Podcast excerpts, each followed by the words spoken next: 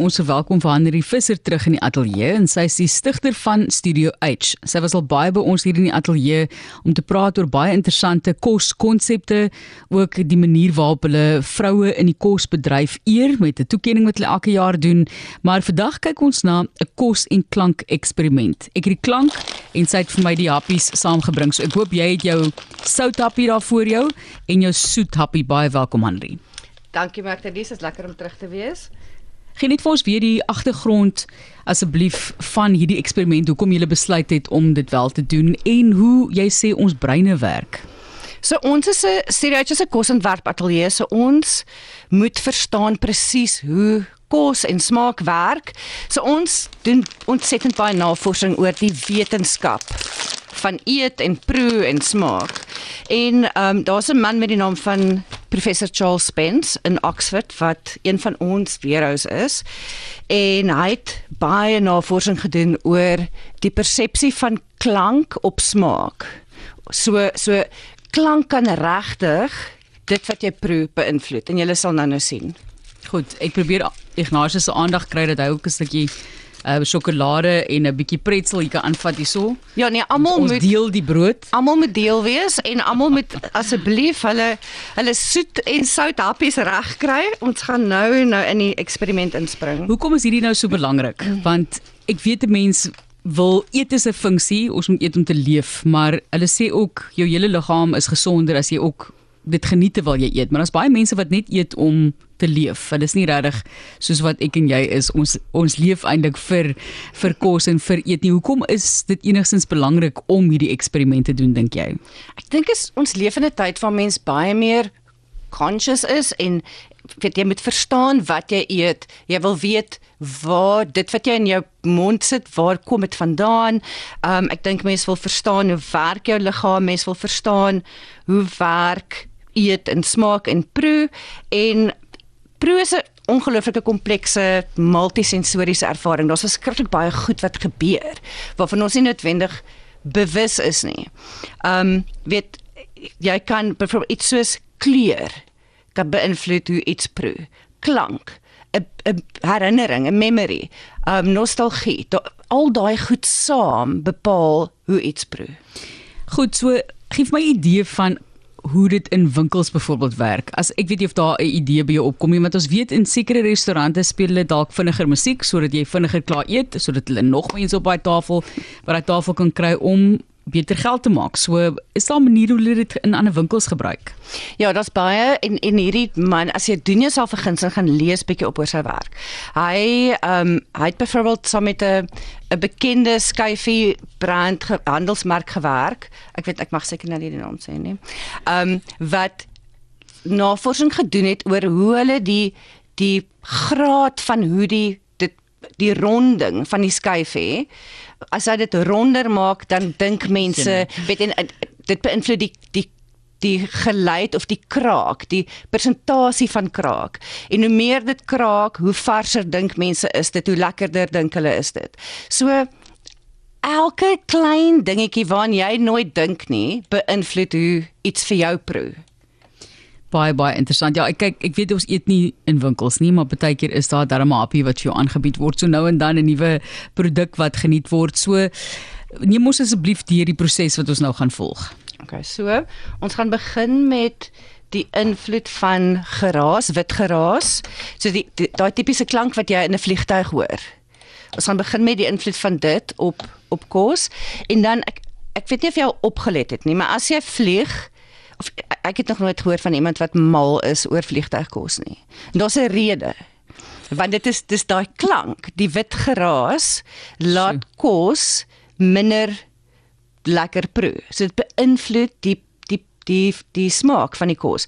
En dit dit is ook hoekom mense daarvan hou om iets soos tomatiesap te drink terwyl jy vlieg, want dis daai umami smaak. So jy kan umami is die enigste smaak wat wat hom wat kan opstaan teen daai klank. Goed. So so dit is hoekom mense hou daarvan om dis nie sommer net 'n ding nie. Daar's 'n wetenskaplike rede hoekom jy tomaties sap wil drink op 'n vliegtuig. Eh, dis is dit hoekom ek biltong altyd Presies, presies. Daar biltong gaan oral saam, is 'n slegte voorbeeld. Dis baie baie interessant. Ek slaap ons my slaap baie lekker met wit geruis of sogenaamde white noise. So ek gaan nie kan ek maar die klank begin speel. So hulle moet eers so Goed. net vir vir met Okay. met eksperimente doen jy mos altyd eers 'n kontrole. So ek dink neem gou vinnige hap van jou southappie. Okay. Um voor ons die klank speel. En dan terwyl ons die klank speel, vat jy nog 'n hap en dan kyk of jy dan dieselfde ervaar. En jy moet jou mond, ek is jammer almal, maar ek speel saam.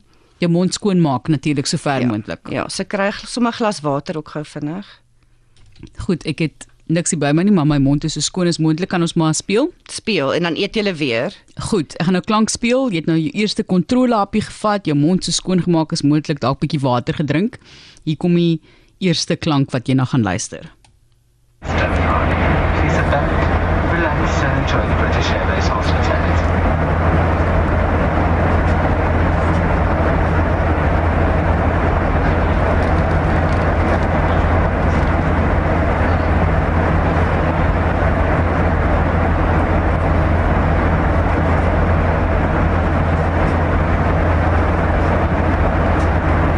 Goed. So navorsing wys dat harde klanke ons smaak negatief beïnvloed. So dit weet dit jy proe minder as wat jy sou proe as jy nie daai geluide in jou ore het nie. Dit is baie vreemd want ek ervaar dit elke keer. Daar was nou minder sout. Ja. Minder van 'n sout ervaring, so minder van daai umami dan nou wat jy ingekry het. Sê vir my of jy dit by die huis ook so ervaar het indien jy nou deelneem aan hierdie eksperiment mense. Dis so interessant. Dis die tweede keer wat ek dit doen en die eerste keer wat ek dit um, ervaar het was so 'n paar weke gelede by 'n geleentheid waar daar 'n paar honderd mense in 'n saal was en almal het dit so ervaar eerste kontrolehappie is so sout soos wat jy sal verwag en dan met daardie klank is die tweede happie minder sout. So so word jou jou smaakervaring beïnvloed. Dit bly vir my verskriklik interessant dat mense brein so beïnvloedbaar is, né? Nee? Dis eintlik Ja. maar bietjie dis dis dis 'n dis eintlik ongemaklik as jy dink dat 'n mens so maklik beïnvloed kan word. Nee, absoluut. Okay. maar jy jy sal sien ook dat NASA, as jy byvoorbeeld kyk na die kos wat hulle vir ruimtevaarders gee, dis gewoonlik nogal spicy. Ja, Want en dit is as gevolg van hierdie rede. ewig klank wat rondom hulle is. Ja. Ja, oh, dis baie interessant. OK, goed. Dis tyd om bitter te ervaar. En net om vir 'n idee te gee van wat ek ook nou hierso gaan proe is 'n 70% sjokolade, 'n 70% kakao sjokolade happie. So kom ons speel bietjie met die bitter. Vat ons deur hierdie volgende een. Okay, so weer vat jou kontrolehap. So vat 'n hap van die sjokolade of of enige iets soets wat jy voor jou het. En dan gaan ons vir julle musiek speel en dan gaan ek vir julle verduidelik. So die die die eerste musieksnit wat ons gaan speel is la basklanke. En dan gaan ons kyk of julle dit meer of minder soet ervaar. Goed. Dit is nou die regte een wat ek nou speel, né? Nee, Ja, jy gaan kan nou ons nou sien. eh, Is dit eers bitter? Ja. Goed, dat ek net 100% seker maak ek is ook reg hierso. Goed. Goed,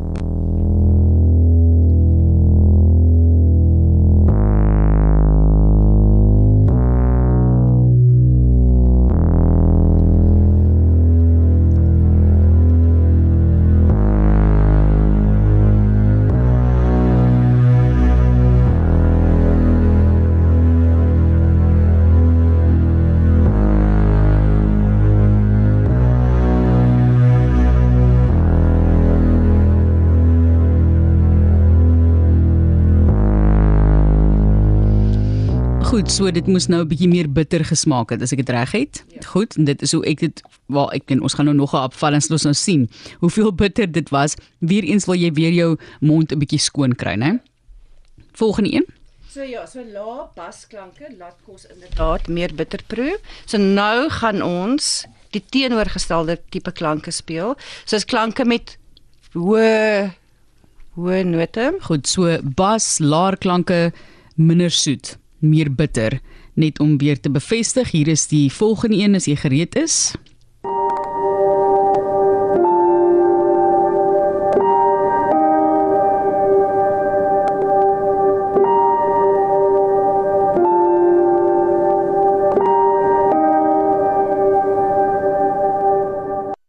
En dit is dan die ek wil amper sê die die soetklank,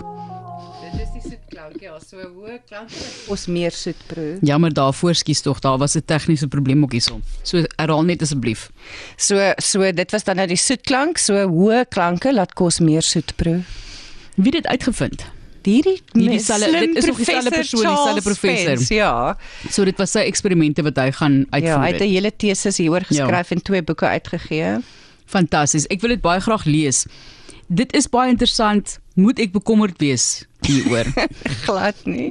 Nee, maar ek dink dit is dis goed om bewus te wees van ehm um, van weet wat gebeur as jy eet en ehm um, weet soos ons wat ons wat kosontwerpers is, dit is soort van die dis die medium wat die wat die naaste weet dit is jy eet jou werk. So dis nogals weet dit dis persoonlik. So dit is goed om hierdie tipe goed te verstaan en bewus te wees en en ook om bewus te wees van hoe handelsmerke met jou kop smokkel.